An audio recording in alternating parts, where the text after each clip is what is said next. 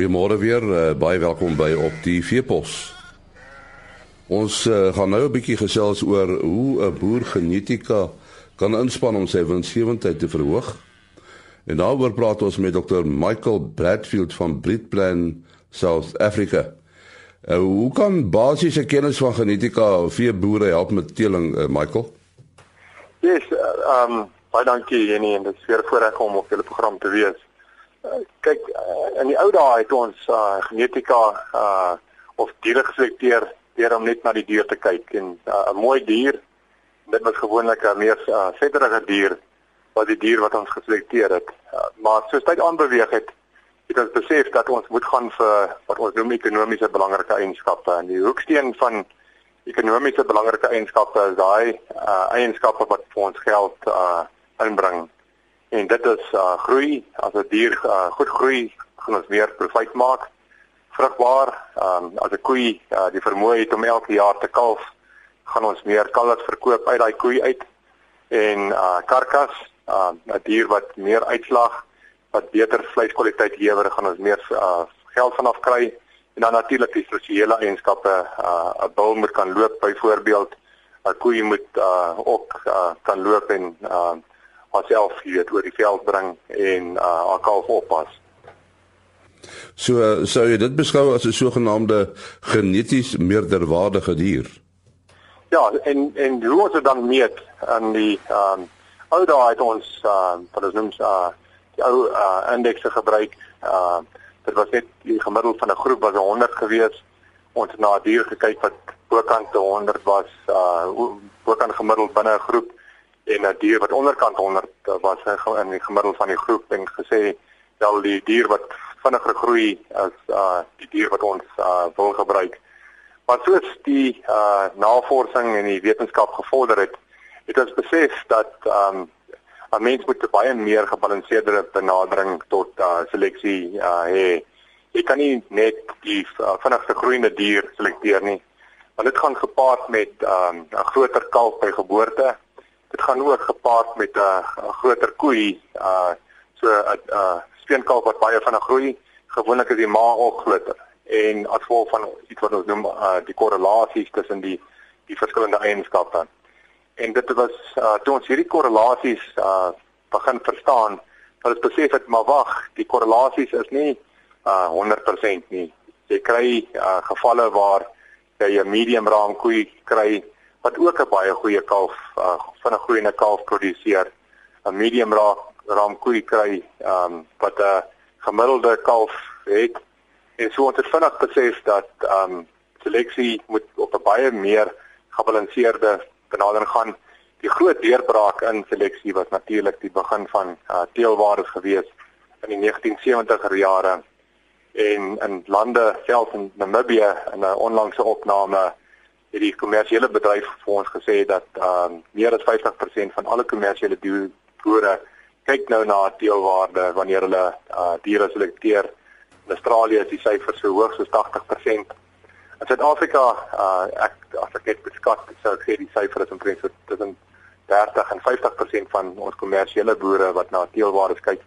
Maar dit is hoofsaaklik in die vleisbedryf veral omdat ehm um, ek baie die woord moet sê maar vleis uh boerdery in Suid-Afrika is grootendeel nog um, afhanklik of 'n uh, bysaak by mielie uh, boerdery en ander vertakkings. Dit is nie altyd die hoofvertakking van 'n boerdery soos jy in Namibië uh byvoorbeeld het nie. Maar ons is besig om te vorder. Ek dink ons boere, kommersiële boere is besig om uh in geval die finansiële druk wat uh toegepas word, hulle besef dat mense moet weer oordeelkundig na hierdie goedes kyk en op 'n meer wetenskaplike en finansiële basis na die hele seleksie aksie kyk. Nou eh, genetika, is dit nie iets wat wat boere afskrik nie? Is dit nie 'n ingewikkelde soort van ding nie? Ja.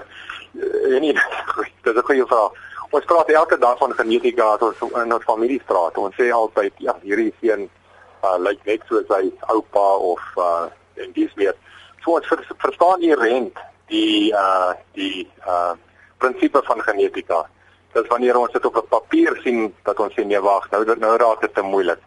Maar in die rent verstaan ons die konsep uh, van genetika. Dit is uh ou Gregor Mendel die ehm um, die monnik het in uh, 1800 gesit en hy met sy peulplante plant en uh, agterkom maar wag hy kan hy kan voorspel hoe gaan die nageslag van hierdie peulplante lyk en nie net kan hy voorspel hoe die nageslag gaan lyk nie hy kan met 100% akkuraatheid voorspel in binne in 'n populasie hoe dit lyk want dit sekerlik die grootste bydrae tot genetika wat nog ooit uh, gemaak is.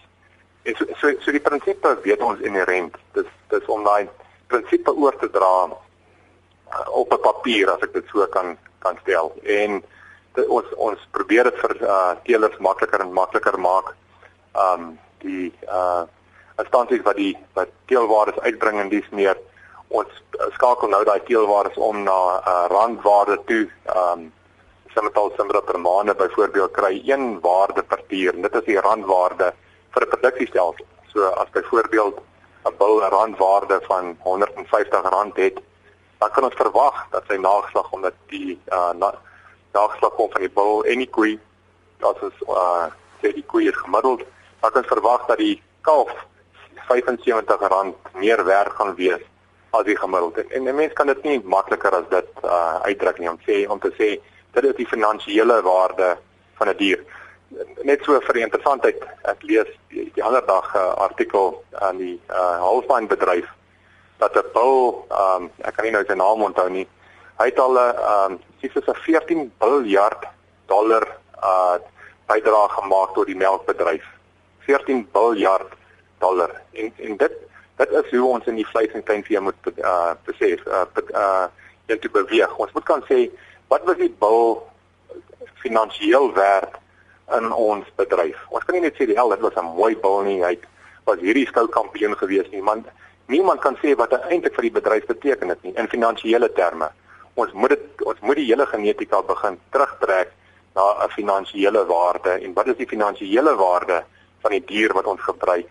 Uh hoe hoe dit ons uh bedryf finansiëel bevorder en dit is waar ons moet beweeg.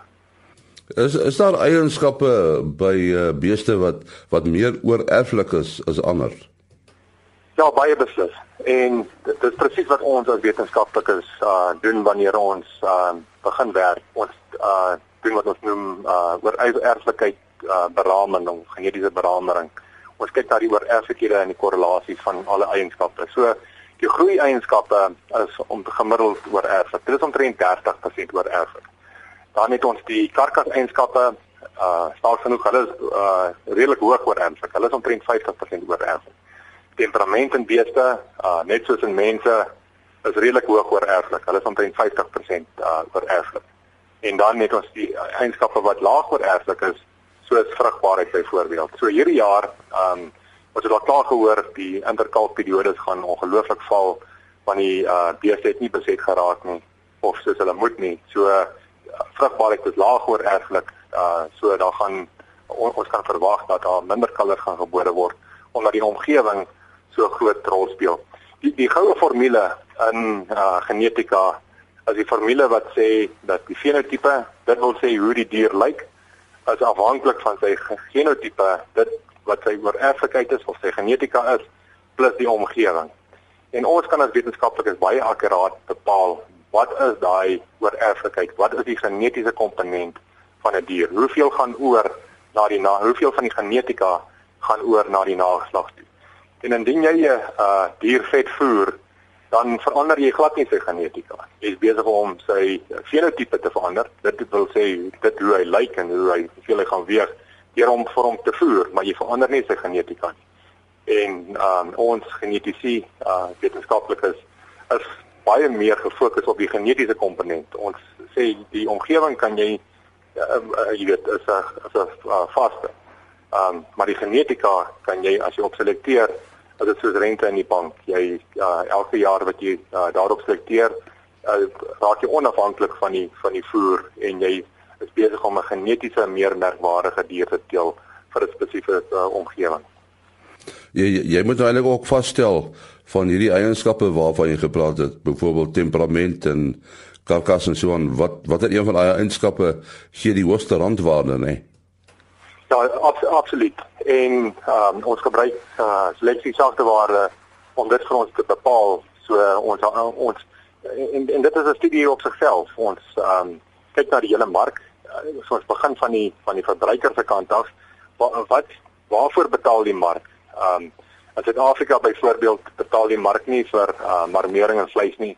Maar in Amerika is dit 'n ongelooflike gesogte uh deel van van die vleisbeesmark. So hulle sal sal selekteer vir marmering byvoorbeeld en baie hoë ekonomiese gewig op marmering uh sit in Suid-Afrika sit al geen gewig uh byvoorbeeld op marmering um wat ek dink verkeerd is maar dit, dit is on, wat ons mark soek. So as ons kyk in, 'n beesboerdery opset um die hoogste gewig sal gesit word op vrugbaarheid. As 'n koe nie 'n kalf produseer nie het jy niks om te verkoop so um die die groot druk van 'n seleksie uh program sal kyk op vrugbaarheid. Dan sal hy uh groei en karkas uh in amper eweredige verhouding daar kyk.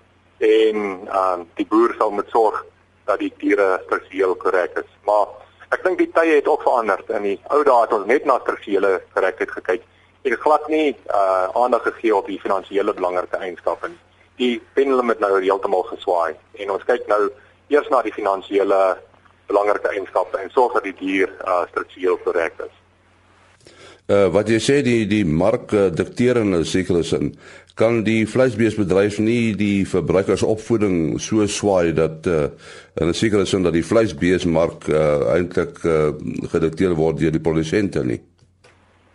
Ja, um, ek het uh, dit was vir my skrikwekkend geweest. Ek het gepraat by 'n uh, 'n uh, 'n groot kongres in Bloemfontein by Vleisvat Universiteit uh, so 2 jaar terug het so 400 mense en ek het vir die gehoor gevra ehm um, en dit was boere gewees. Uh hoe moet jy jou vleis gaar maak? Moet jy hom uh reguit van die rooster af eet of ehm um, vat jy uh, jou uh, biefstuk en jou ehm um, jy sit hom eers in 'n pan, jy sit 'n folie oor hom en jy jy maak hom eers uh koel ehm um, en dan uh eet jy hom uh sodat die bloed nie alles uitloop nie.